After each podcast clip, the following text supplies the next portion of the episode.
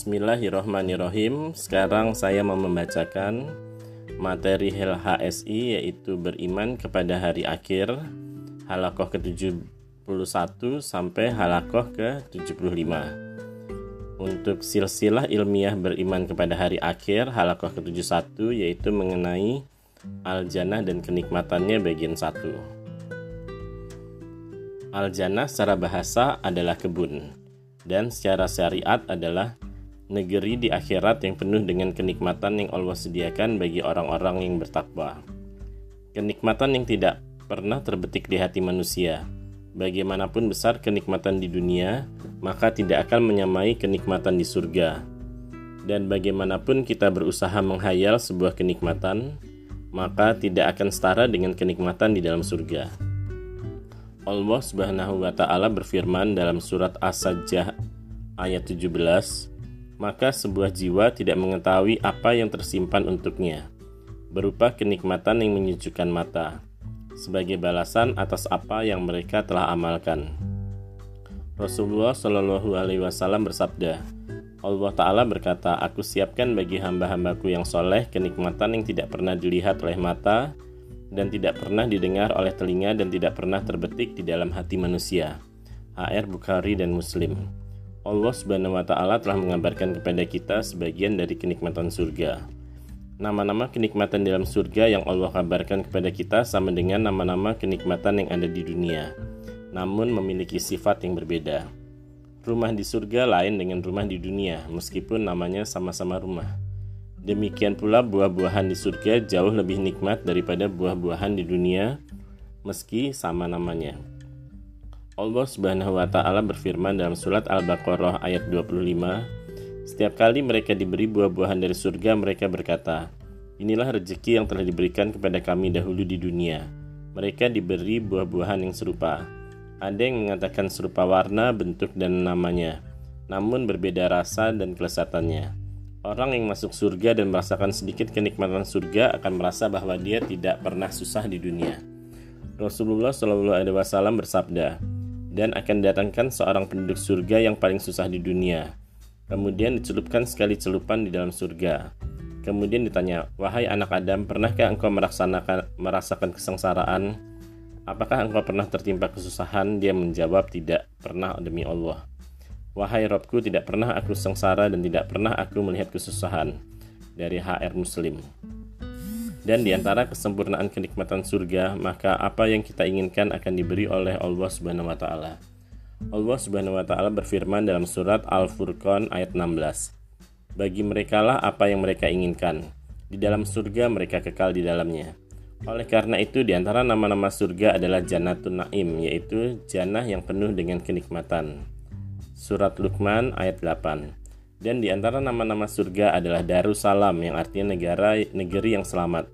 Maksudnya selamat dari semua kekurangan dan kejelekan. Lihat surat Al-An'am ayat 127. Dan di antara nama surga ada Makom Amin yang artinya tempat tinggal yang aman, yaitu aman dari segala musibah dan kejelekan. Lihat surat Ad-Dukhan ayat 51 dan di antara nama surga adalah Darul Mukomah yang artinya negeri yang terus-menerus ditempati. Lihat surat Fatir ayat 35. Demikianlah kesempurnaan kenikmatan dalam surga, negeri yang penuh dengan kenikmatan, selamat dari segala kekurangan, aman dari segala musibah, dan kekal selama-lamanya.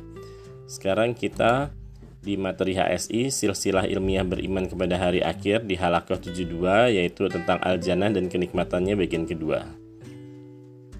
Yaitu pertama, lulus luas surga adalah seluas langit dan bumi. Allah Subhanahu wa taala berfirman dalam surat Ali Imran ayat 133. Dak dan hendaklah kalian berlomba-lomba untuk mendapatkan ampunan dari Rob kalian dan berlomba untuk mendapatkan surga yang luasnya seluas langit dan bumi. Para penduduk surga akan mendapatkan rumah-rumah yang mewah. Allah Subhanahu wa taala berfirman dalam surat Az-Zumar ayat 20. Akan tetapi orang-orang yang bertakwa kepada Allah bagi mereka kamar-kamar dalam surga yang di atasnya ada kamar-kamar yang dibangun.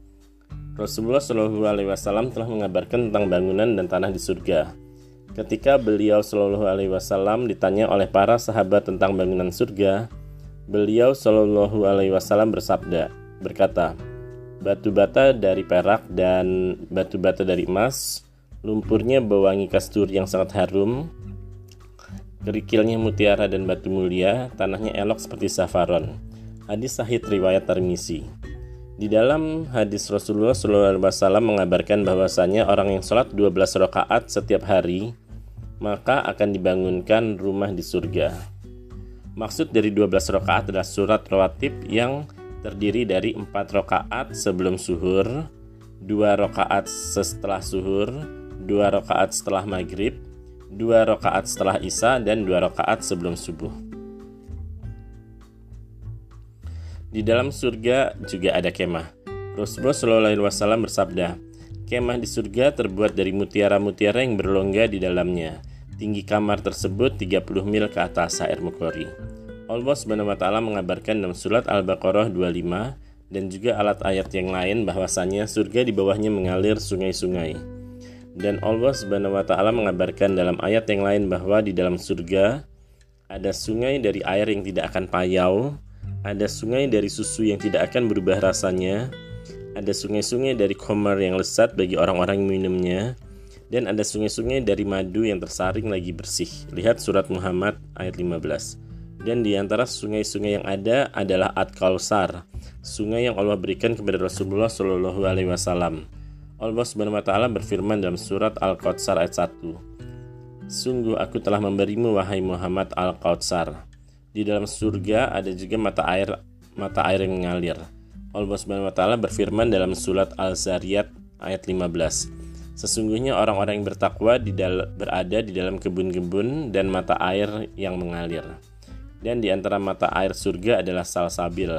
Lihat Al-Insan ayat 18. Di dalam surga juga ada pohon-pohon. Rasulullah SAW menyebutkan di dalam sebuah hadis, Sesungguhnya di dalam surga ada sebuah pohon yang apabila seseorang pengendara berjalan menuruti bayangannya, yaitu bayangan pohon tersebut niscaya 100 tahun dia tidak akan selesai di HR Bukhari. Dan di antara pohon surga adalah Sindratul Muntaha yang Allah sebutkan dalam surat An-Najm ayat 14.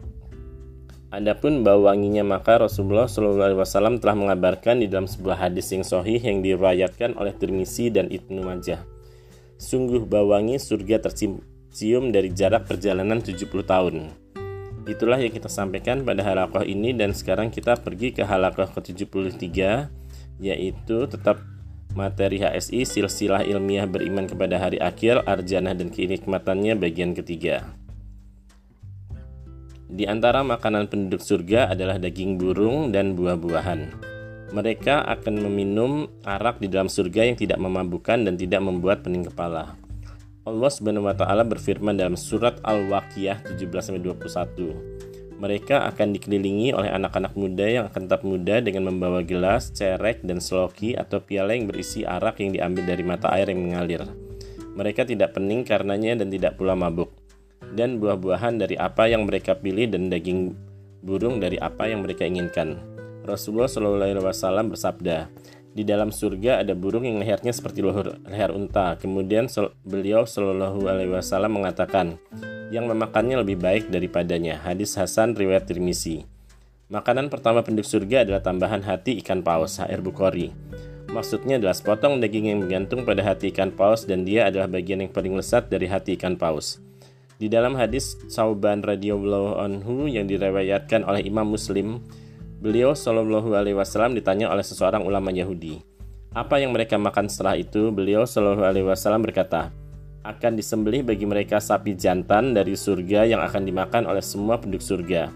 Ulama Yahudi, Yahudi tersebut berkata, apa yang mereka minum setelahnya? Beliau Shallallahu Alaihi Wasallam berkata, mereka akan minum dari mata air di dalam surga yang dinamakan salsabila.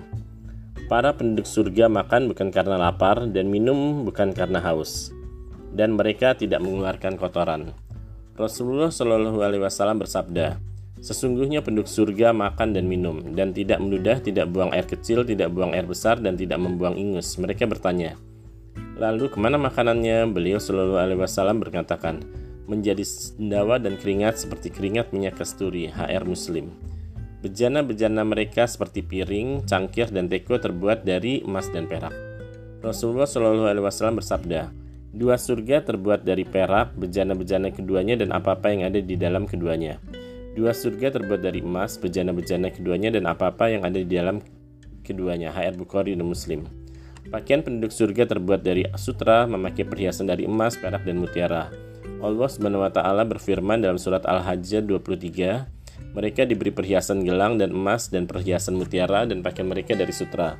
Allah Subhanahu wa taala berfirman dalam surat Al-Insan ayat 21, mereka akan memakai pakaian dalam dari sutra halus yang berwarna hijau dan memakai pakaian luar dari sutra tebal dan dihiasi dengan gelang dari perak dan rob mereka memberi minum bagi mereka dengan air yang sangat bersih. Mereka akan bersandar di atas permadani yang dalamnya terbuat dari sutra tebal. Lihat surat Ar-Rahman ayat 54 dan akan bersandar di atas sofa yang tersusun. Lihat Atur ayat 20. Para penduduk surga akan saling bertemu dan bertukar sapa. Allah Subhanahu wa taala berfirman dalam surat Atur 25 28 dan mereka akan saling berhadapan dan saling bertanya. Mereka berkata, Sesungguhnya kita dahulu di dunia sewaktu berada di tengah-tengah keluarga kita merasa takut dengan asap. Maka Allah memberikan karunia kepada kita dan memelihara kita dari api neraka. Sesungguhnya kita dahulu menyembahnya sejak dahulu dan dialah yang maha melimpahkan kebaikan dan maha penyayang. Dan sekarang kita ke halakoh 74 yaitu silsilah ilmiah beriman kepada hari akhir, al-jannah dan kenikmatannya bagian keempat. Para penduduk surga akan masuk ke dalam surga seperti manusia berumur 33 tahun. Rasulullah Shallallahu Alaihi Wasallam bersabda, penduduk surga akan masuk ke dalam surga dalam keadaan kulit tidak berambut, tidak berjenggot, bercelak matanya seperti manusia berumur 30 atau 33 tahun. Hadis Hasan riwayat Tirmisi. 30 atau 33 adalah keraguan dari rawi dan di dalam hadis Hasan yang diriwayatkan oleh Imam Ahmad dan Abu Hurairah radhiyallahu anhu disebutkan bahwasanya mereka akan masuk surga dalam keadaan kulit berwarna putih. Berumur 33 tahun dengan tinggi 60 hasta. Satu hasta adalah satu siku ke ujung jari. Allah akan menikahkan para lelaki penduduk surga dengan bidadari yang sempurna kecantikannya. Allah taala berfirman dalam surat At-Tur 20 dan kami akan menikahkan mereka dengan bidadari. Dan dimaksud dengan kur adalah wanita-wanita yang putih matanya sangat putih. Dan bagian hitam matanya sangat hitam. Dan lin adalah wanita-wanita yang lebar matanya. Allah menyebutkan bahwasanya bidadari-bidadari tersebut besar payudaranya dan sebaya umurnya. An-Naba ayat 33 mereka diciptakan oleh Allah Subhanahu wa taala secara langsung dalam keadaan perawan dan penuh rasa cinta kepada suaminya Al-Waqiyah 35 37. Sangat cantik seperti mutiara tersimpan dan tidak berubah warnanya Al-Waqiyah 23. Dan ada yang seperti batu mulia dan mereka menjaga pandangan mereka hanya untuk suaminya Ar-Rahman 56 58. Para bidadari tersebut tidak pernah haid dan mereka bersih dari segala kotoran Al-Baqarah 25. Rasulullah Shallallahu Alaihi Wasallam menyebutkan bahwasanya Seandainya seorang bidadari muncul dan melihat ke bumi, niscaya dia akan menyinari apa yang ada di antara surga dan bumi. Dan niscaya akan memenuhi antara surga dan bumi dengan bau wangi, dan sungguh khimar atau kerudung seorang bidadari lebih baik daripada dunia dan seisinya. Hadis riwayat Bukhari. Para bidadari tersebut akan cemburu bila suaminya yang sedang di dunia disakiti oleh istrinya di dunia. Sebagaimana tersebut dalam hadis yang sahih riwayat Tirmisi dan Ibnu Majah. Lelaki penduduk surga akan diberi kekuatan 100 kali lipat dalam kekuatan makan, minum, syahwat, dan mendatangi istrinya. Hadis sahih riwayat At-Tabrani dalam Al-Mujamul Kabir. Istri di dunia akan menjadi istri di akhirat apabila istri tersebut beriman. Allah Subhanahu wa taala berfirman dalam surat Ar-Ra'd ayat 23, surga-surga yang mereka akan masuk ke dalamnya dan juga orang-orang yang saleh dari bapak-bapak mereka istri-istri mereka, dan keturunan-keturunan mereka. Para penduduk surga akan dilayani oleh anak-anak muda yang Allah ciptakan di dalam surga. Mereka akan sangat indah dipandang dan banyak seperti mutiara-mutiara yang berterbangan. Lihat Al-Waqi'ah 17 dan Al-Insan 19. Sekarang kita ke halakoh ke-75 dari silsilah ilmiah beriman kepada hari akhir al-jannah dan kenikmatannya bagian kelima. Sebagian penduduk pen, sebagian besar penduduk surga adalah orang-orang lemah. Rasulullah Shallallahu Alaihi Wasallam bersabda, maka sebagian besar orang-orang yang memasukinya adalah orang-orang miskin. HR Bukhari dan Muslim. Rasulullah Shallallahu Alaihi Wasallam telah mengabarkan beberapa nama penduduk surga, di antaranya Abu Bakar, Umar, Utsman, dan Ali radhiyallahu anhum sebagaimana di dalam hadis yang sahih yang diriwayatkan oleh Tirmizi. Kenikmatan paling besar penduduk surga di atas kenikmatan surga yang mereka rasakan adalah memandang wajah Allah yang mulia. Rasulullah Shallallahu Alaihi Wasallam bersabda, Apabila penduduk surga masuk ke dalam surga, maka Allah Tabaraka wa Ta'ala akan berkata, Apakah kalian menginginkan aku tambah kenikmatan kepada kalian? Mereka berkata, Bukankah engkau telah memutihkan wajah-wajah kami? Bukankah engkau telah memasukkan kami ke dalam surga dan menyelamatkan kami dari neraka? Allah pun menyingkap hijab, maka mereka tidak diberi sesuatu yang lebih mereka cintai daripada melihat kepada Rob mereka Azza wa Jalla HR Muslim. Allah Subhanahu wa taala berfirman dalam surat Yunus ayat 26. Bagi orang-orang yang berbuat baik adalah surga dan tambahan. Tambahan dalam ayat di atas adalah memandang wajah Allah sebagaimana datang tafsir dari para sahabat seperti Abu Bakar, Abu Musa al-Asyari dan Husaisah radhiyallahu anhum. Para penduduk surga akan sangat berbahagia dan wajah mereka berseri-seri ketika melihat Allah Azza wa Jalla. Saat yang selama ini di dunia mereka imanin dan mereka sembah. Padahal mereka tidak pernah melihatnya, mereka taati perintahnya, mereka jauhi larangannya, mereka benarkan kabar-kabarnya, bersabar atas ujiannya, mereka baca dan dengarkan firmannya, mereka ikuti nabinya, menyeru kepada jalannya, dan merindukan pertemuan dengannya, meskipun dengan segala kekurangan yang mereka miliki. Allah Subhanahu wa taala berfirman dalam surat Al-Qiyamah 22 23. Wajah-wajah pada hari itu berseri-seri melihat kepada Rob mereka. Saudara-saudara, jalan ke surga adalah jalan yang penuh rintangan. Tidak sampai ke sana kecuali orang-orang yang bersabar. Ada perintah yang harus dikerjakan, ada larangan yang harus dijauhi, dan ada ujian yang harus kita sabar menghadapinya. Rasulullah Shallallahu Alaihi Wasallam bersabda, Surga dikelilingi perkara-perkara yang dibenci dan neraka dikelilingi perkara-perkara yang menyenangkan HR Muslim. Kesenangan dunia adalah kesenangan yang sedikit, sebentar, dan banyak kekurangan. Sedangkan kesenangan akhirat adalah kesenangan yang sangat banyak, kekal selamanya dan tanpa ada kekurangan sedikit pun. Allah Subhanahu wa taala berfirman dalam surat Al-Ala ayat 16 17. Akan tetapi kalian mendahulukan kehidupan dunia padahal akhirat lebih baik dan lebih kekal. Dan Allah Subhanahu wa taala berfirman dalam surat Al-Hadid 20 yang artinya, Ketahuilah bahwasanya kehidupan dunia hanyalah permainan, sesuatu yang melalaikan perhiasan saling berbangga di antara kalian, saling memperbanyak harta dan juga anak-anak, seperti hujan yang tanamannya mengagumkan para petani. Kemudian tanaman itu jadi kering dan kalian melihat warnanya menjadi kuning, kemudian hancur dan di akhirat ada azab yang keras dan ampunan dari Allah serta keridoannya dan kehidupan dunia tidak lain hanyalah kesenangan yang menipu. Untuk mendapatkan surga bukanlah berarti seorang harus meninggalkan seluruh kesenangan dunia. Allah Subhanahu wa taala menciptakan dunia dan kenikmatannya supaya kita manfaatkan dengan baik untuk mencari ridho Allah dan surganya. Orang-orang yang tercela adalah orang-orang mencari kebahagiaan dunia dengan tujuan dan melupakan kebahagiaan akhirat. Itulah yang disampaikan pada halakoh kali ini. Jadi itu pembacaan materi HSI silsilah ilmiah beriman kepada hari akhir dari halakoh ke 71 sampai ke 75. Oke, sampai sini dulu dan wassalamualaikum warahmatullahi wabarakatuh.